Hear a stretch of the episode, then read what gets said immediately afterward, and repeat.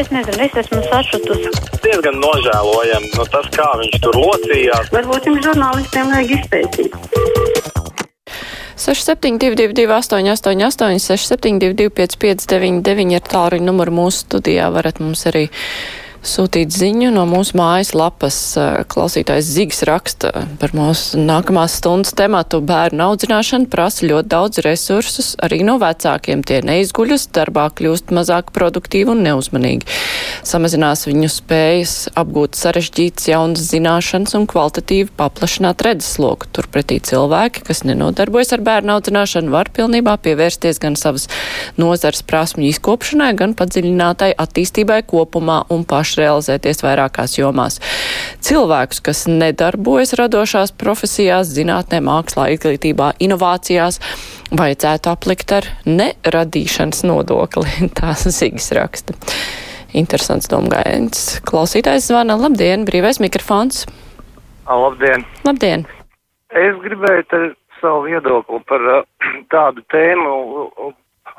Masa informācijas līdzekļos skan tāda reklāma, un arī Rīgā uz ielām ir izlikts uh, īsta ziņa, un uh, tur, teiksim, tiek apgalvots kaut kas, kas faktiski tā nav, un tas tiek pasniegts kā īsta ziņa, neīsta ziņa. Nav īsta ziņa, un ja jūs ziedosiet, man nekas nav pretīm pret ziedošanu, un tad uh, šī ziņa kļūs īsta, jā, tad uh, man ir jautājums, vai tad šī nav vispatiesākā viltus ziņa? Jo viltus ziņa savā būtībā nevis nes informāciju, bet viņas mērķis ir panākt kaut kādu rezultātu. Tātad jebkura reklāma, kas uh, informē ar mērķi, lai cilvēki pērk savā būtībā arī ir tas viltus, ar ko arī, nu, tiek mēģināts panākt to, lai cilvēki, teiksim, izdara kaut kādu izvēli, nevis viņus informēt. Tā kā es, es uzskatu, ka tā nav nevis neīsta ziņa, bet viltus ziņa vistīrākajā veidā. Es vispār nesaprotu, kā varēja pieļaut kaut ko tik briesmīgu.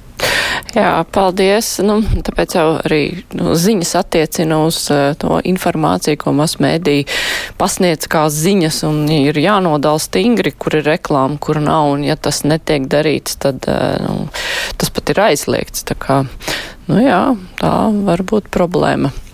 Klausītāji Gita raksta, bezdarbnieki paliek mazāki, jo kas nav slinks, trešo grupu dabū bez mokām un jāstrādā nav viss pienāks bez maksas dzīvo cepur kuldam, jo papīrs panes visu komisijas klātbūtnē. Tā bezdarbnieku skaits nemazinās strādāt negrib. Gitai gan šķiet laikam, ka invalīdi dzīvo cepur kuldam Latvijā ka viņiem ir viss uzreiz tiek nodrošināts. Gita var jūs informēt, ka tā tas nebūtu nav. Klausītājs zvana, labdien! Labdien, no attiecībā par invalīdiem es teikšu, nav jau PSRS laiki, ka tie, kas saņēma invaliditātes pensiju, nevarēja strādāt. Tagad var saņemt gan invaliditātes, gan veco pensiju un strādāt, tas viens otru neizpēs. Tas ir tāds kā papildinājums, bet es ne par to gribēju. Es gribēju pateikt paldies, ka TV24 ir tomēr reizēm gadās, ka prātīgus cilvēkus pasaukt uz savām pārraidēm un bija pasaukta uz līnijas Latvijas Ukraiņu biedrības priekšsēde Jāna Streļecā. Un viņa tiešām ļoti sakarīgi runāja. Pirmkārt, viņa nolika pie vietas došu un atšuva visus arī tos sorusiešus, kas zvanīja un teica, ka bez doža mēs neiztiksim. Viņa teica, ka Ukraiņa jau 2017. gadā saprata, kas tas ir došs un pasūtīja viņu ļoti tālu.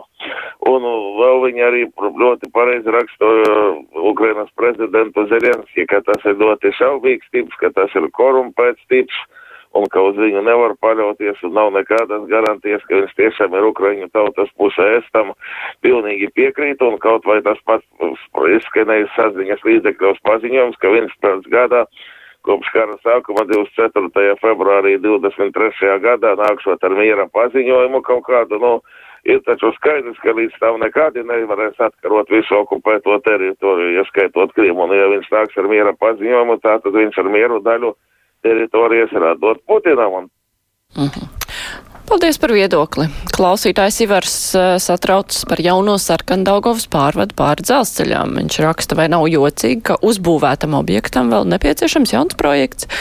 Vai tas nozīmē, ka visiem uzņēmējiem jārīkojas pēc principa vispirms kaut ko uzbūvē un tad desmit gadus skaņo projektu? Parasti jau projektu izmaiņām jānotiek pirms būvniecības.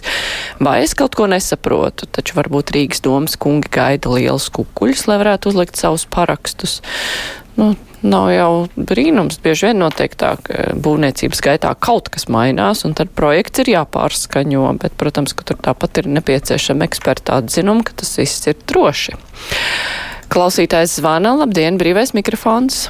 Jā, labdien! No sarkandaugos arī zvanu, jā, bet nebūs ne par šo te tiltu, par kaut ko citu gribu parunāt. Par šo te darba motivāciju, jā. Nu, piemēram, man šodien bija tā, ka no rīta es tīrīju sniegu, jā, pēc tam tagad es Rīmē strādāju par apkopēju, jā.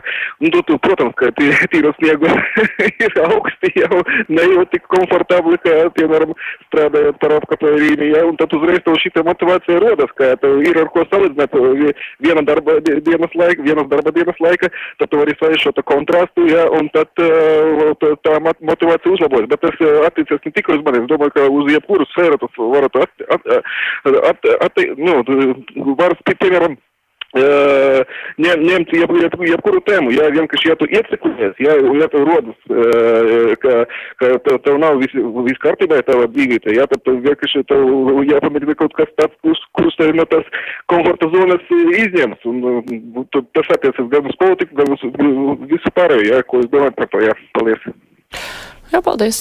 Par viedokli. Ants raksta, papētot mūsu ministru deklarācijas, rodas jautājums, kas gan notiks ar valsts budžetu, ja cilvēks neprot rīkoties ar savām finansēm. Pusē jauno ministru ir parāda saistības no 12 līdz 174 tūkstošiem eiro. Mīļie pensionāri, mēs esam bagāti, mums nav parādi. Paldies Dievam, ka finanšu ministrs nav ne bagāts, ne nabaks.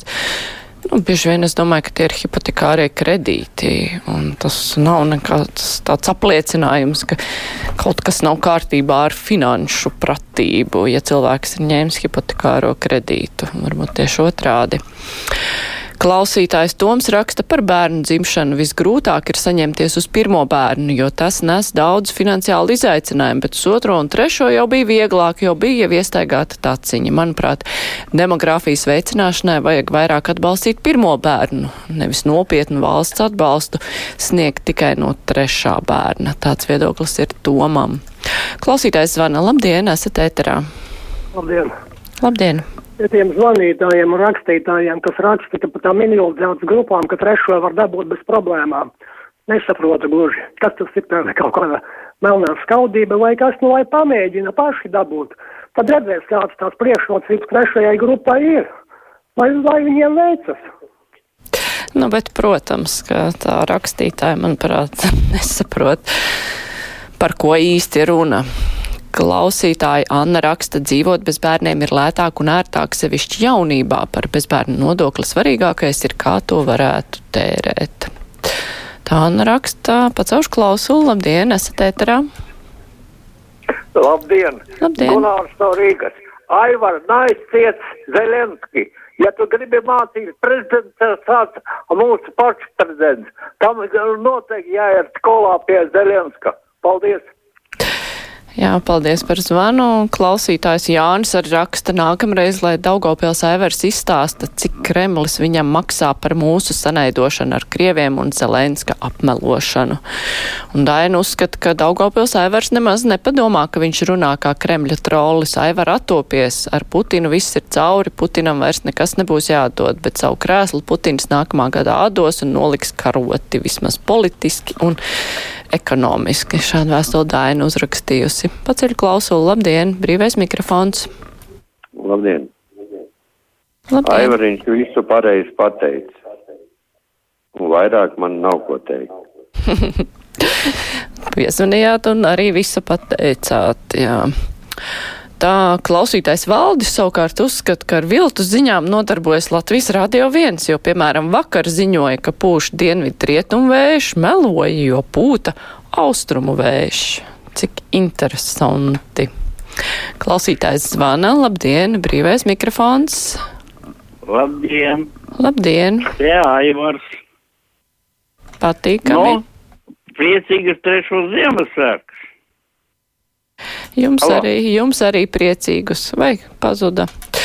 Tā ekonomists raksta, šajā laikā energo uzņēmumi lūdz taupīt elektrību. Tās cena ir augusi katastrofāli, bet pilsētu un lauku pašvaldības jau gandrīz mēnesi dienu un nakti iededz lampiņus un daudz citu svētku apgaismojumu ielās, skolās, bērndārsos. Nereti tie ir banāli, vai tiešām pašvaldības ir tik bagātas un nedomā ekonomiski taupīsim ielu apgaismojumam. Hmm. Nu, par svētkiem jau arī gluži negribas aizmirst, bet pastīties, kā tad tur tērē naudu, bet nu, tā pilnīgā depresijā jau var nevajadzētu nonākt gal galā. Klausītājs zvana, labdien, brīvais mikrofons. Labdien! Labdien! Es arī gribēju te pateikt, kā jau varam taisnība no Daugavpils. Paldies! Paldies par viedokli! Tā, labi, celšu klausulu vēl mazliet laika ir. Labdien! Brīvais Labdien. mikrofons, sveiki! Es gribu pateikt paldies tam, kas izdomāja dūmu detektoru. Iztika ar istabas izmēģināšanu. Paldies! Jā, malacis, jūs esat, kā esat uzlicis domu detektoru, tas ir ārkārtīgi svarīgi, un galvenais, ka nav nemaz sarežģīti. Labdien, brīvais Halo. mikrofons, labdien! Labdien!